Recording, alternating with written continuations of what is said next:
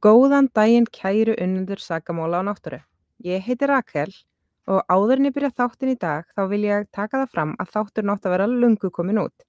En lífið það er bara ekki alltaf sammála metnaðafullum plönum mínum og því kemur þátturinn út í dag og þannig er það bara.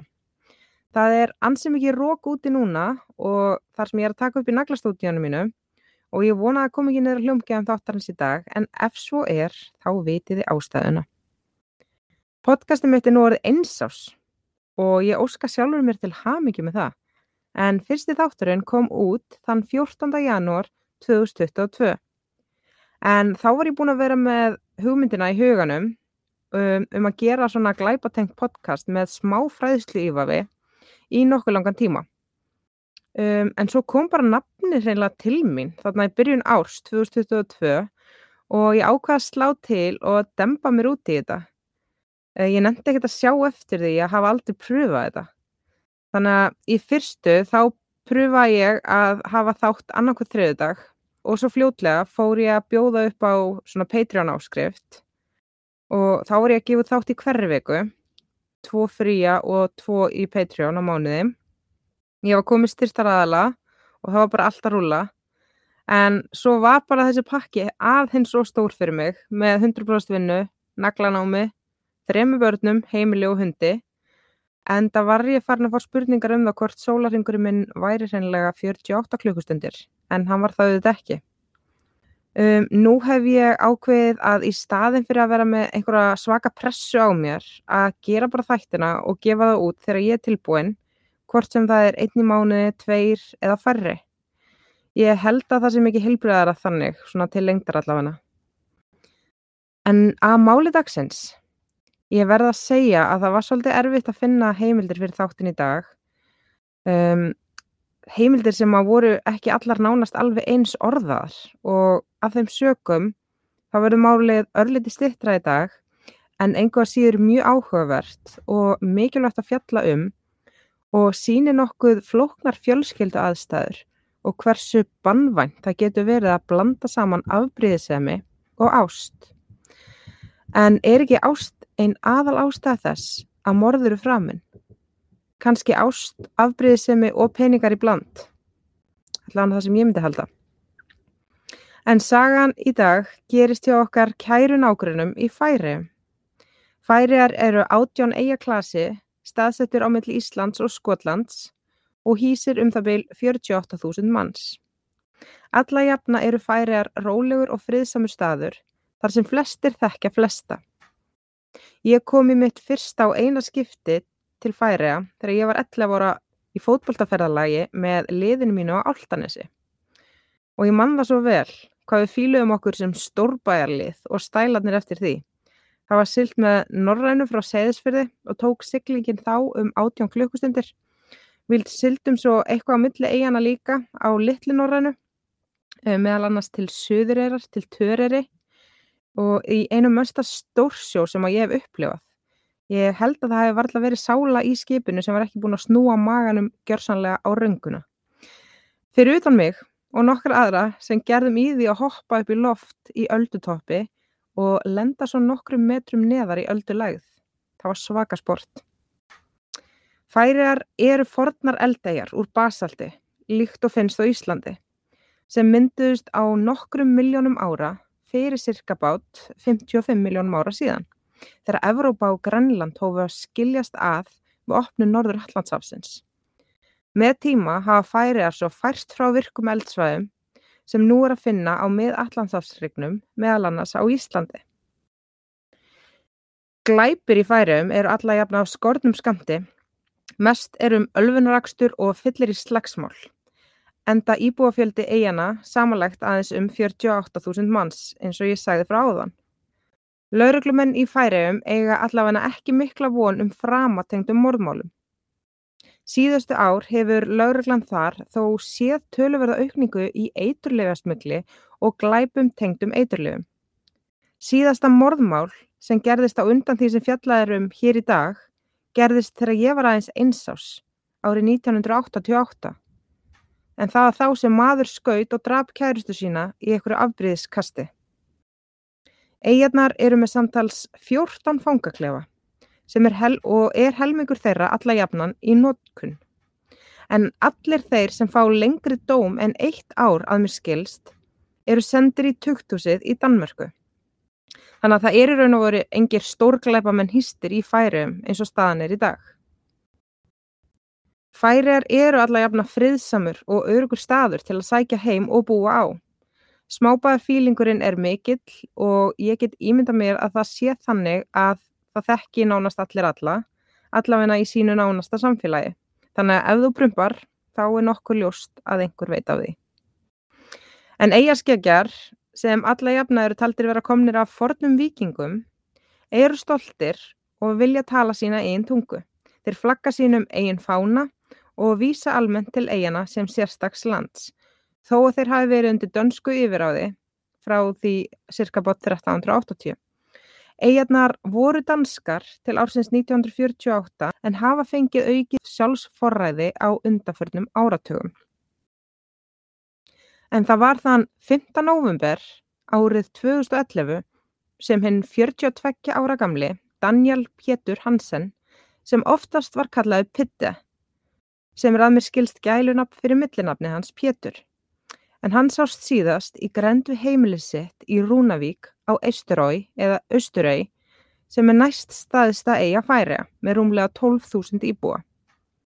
Þrátt fyrir ítarlega leitt fannst Korki Tangur nýtt tetur af pytti og taldi laurugla líklegast að honum hafi verið komið fyrir kattanef og mögulega hend fram að kletti en nóg er um kletta á svæðinu. Kom þetta mál eigaskeggjum í mikið uppnám en ekki hefði verið framið morði færium í yfir 20 ár. Var þetta mögulega stærsta glæpa sig að færiða í manna minnum? Hvað kom eiginlega fyrir pytti? Við komumst að því á eftir. Þú ert að hlusta á ódæði í óbyðum.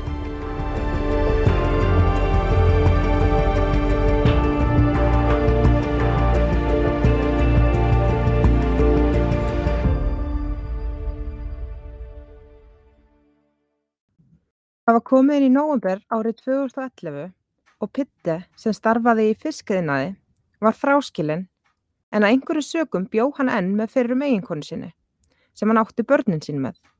Það einkennilega var að eiginkona hans fyrverandi og nú sambíliskona var hins vegar komin í nýtt ástarsamband með króatískum innflytjanda sem heitir Milan Konrovat. Eins og gefur að skilja þá þóldi Milan þessir hreinlega ekki það að kærasta sín byggi enn inn á heimili Pitta. En hvort um var að ræða einhvers konar ástar þrýhjörning komst ég ekki að. Þá meina ég hvort að Pitti og kona hans fyrverandi hafi verið að reyna að vinna í sínu sambandi eða hvort hún hafi reynlega bara búið enn með Pitti af einhverjum sökum. En þau ekki átt í ástarsambandi lengur. Út af þessum sérkennilegu aðstæðum beindust augur lauruglu fljótlega að Mílan sem líklegum sakbortningi í málinu. Taldi lögregla að hann hafi ætlað að reyna að stöðva það fyrirkomulag að kærasta sín byggi enn inn á pytti og það hafi svo enda með því að pytti væri nú horfin og var eins og jörðin hafi gliftan.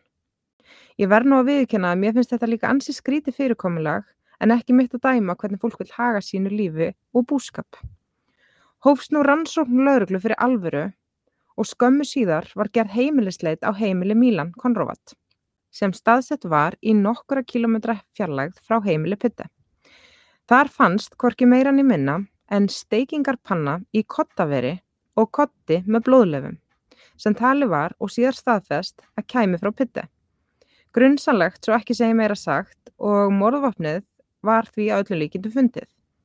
Við frekari skoðun komi ljós að á pönnuna vantaði aukarlut sem ekki er tekið fram hvað sé, en að auka hluturinn hafi svo fundist í annari leit í herbyggi pitti heima hjá honum, ásamt því að blóðugir skór Mílans hafi fundist í skótabifrið í skótabifrið fyrverandi eiginkonu pitti sem Mílan hafi greiðan aðgang að og notaði óspart. Útlita var því ekki gott fyrir Mílan og án þess að vera með trekt sín þá beindust öll spjót af honum. Skrítið samt þetta með steikingapönnuna.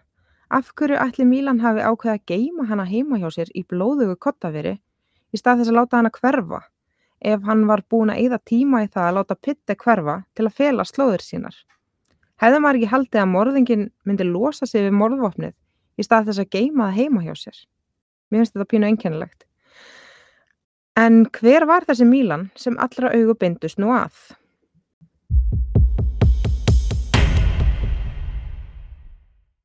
Mílan var 32 ára og fluttist búferlum til Færiða árið 2009 vegna þess að hann fekk vinnu í fiski.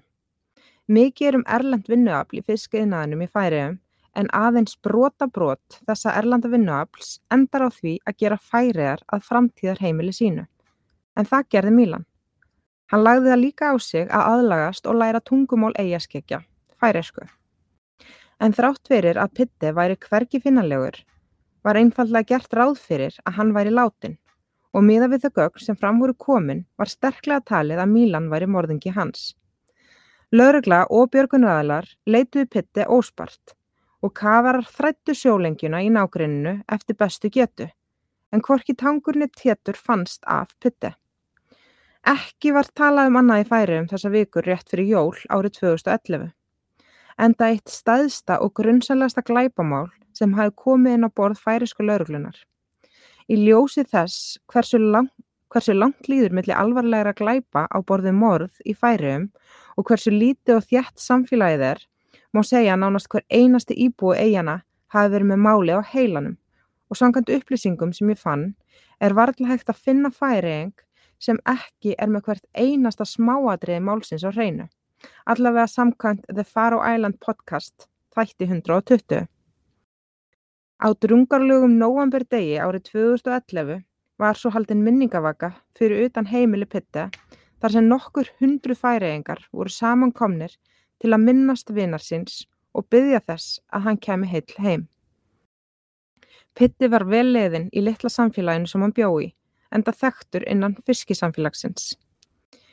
Einhverjar heimildir herma að það hefði komið fram nokkrun dögum eftir hvarf Pitti að lík hans hefði fundist við sorpbrennslustöð í Leirvík sem er í cirka 20 km fjallag frá Runavík, en laurugla hafi svo dreyið þær fréttir tilbaka. Ákveði var að handtaka og rétta yfir Mílan byggt á þeim sönnunagögnum sem höfður hlaðist upp gegn honum við rannsók málsins sem lauruglan í færiðum með aðstótt dönsku lauruglunar höfðu sapnað.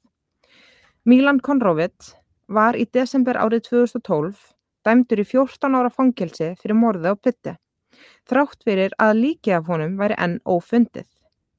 Hann var sendur til Króatíu til að afplána dómsinn og má aldrei aftur stiga fæti til færiða. Ekki það ég trúi því að hann komi til með að vilja það eftir að hann losnar. En svo liðu árein og færiðingar fóru að hugsa um önnur mál og voru jáfnvel búin að gefa upp vonina um að Pitti myndi nokkuð tíman finnast. En það var svo í september árið 2014, tæpum þremur árum eftir að Pitti hvarf, að tilkynnt var að beinin af honum væri loksins fundin. En skemmti kafarar fundu jarneskar leifar hans á 22 metra dýpi á sjávarbotni, cirka bát 150 metrum frá ströndum Östurau heimaðjar hans. Hann hefði því verið í nákvæminu öll þessi ár. Ótrúlegt hreint að líkansleifar hans hafi loksins fundist og þeim hreinlega ekki skólaði burt og var fundurinn eflaust mikill léttir fyrir ástvinni hans. En eins og ég sagði í byrjun þáttar, það voru heimildir fyrir þetta mál af nokkru skortnum skamti, allavega fyrir hitt típiska Google, en ég hefði gerðan vilja segja meira frá fjölskylduhögum pitti til þess að kynnast honum aðeins betur. En ég ger bara ráð fyrir því að vegna samstöðu og þjættleika íbúa á svæðinu hafi þessum upplýsingum verið haldið að mestu frá fréttaflutningi er varða málið, sem sýnir bara hversu mikil vernd og samstæða býr meðal frönda okkar færaenga. Auk þess leita ég eftir að komast að því hvers vegna Mílan hafi gengið fram með því að drepa Pitti. Hvað hafi leittið þess? Hvort þér hafi farið að rýfast eða hvort Mílan hafi hreinlega ætlað sér allan tíman að myrðan? Spurningar sem ég fekk ekki svarað að sinni. En þar sem málið í dag var í stittra lægi þá ætla ég að sleppa samantektinni í dag en takk kærlega fyrir að hlusta.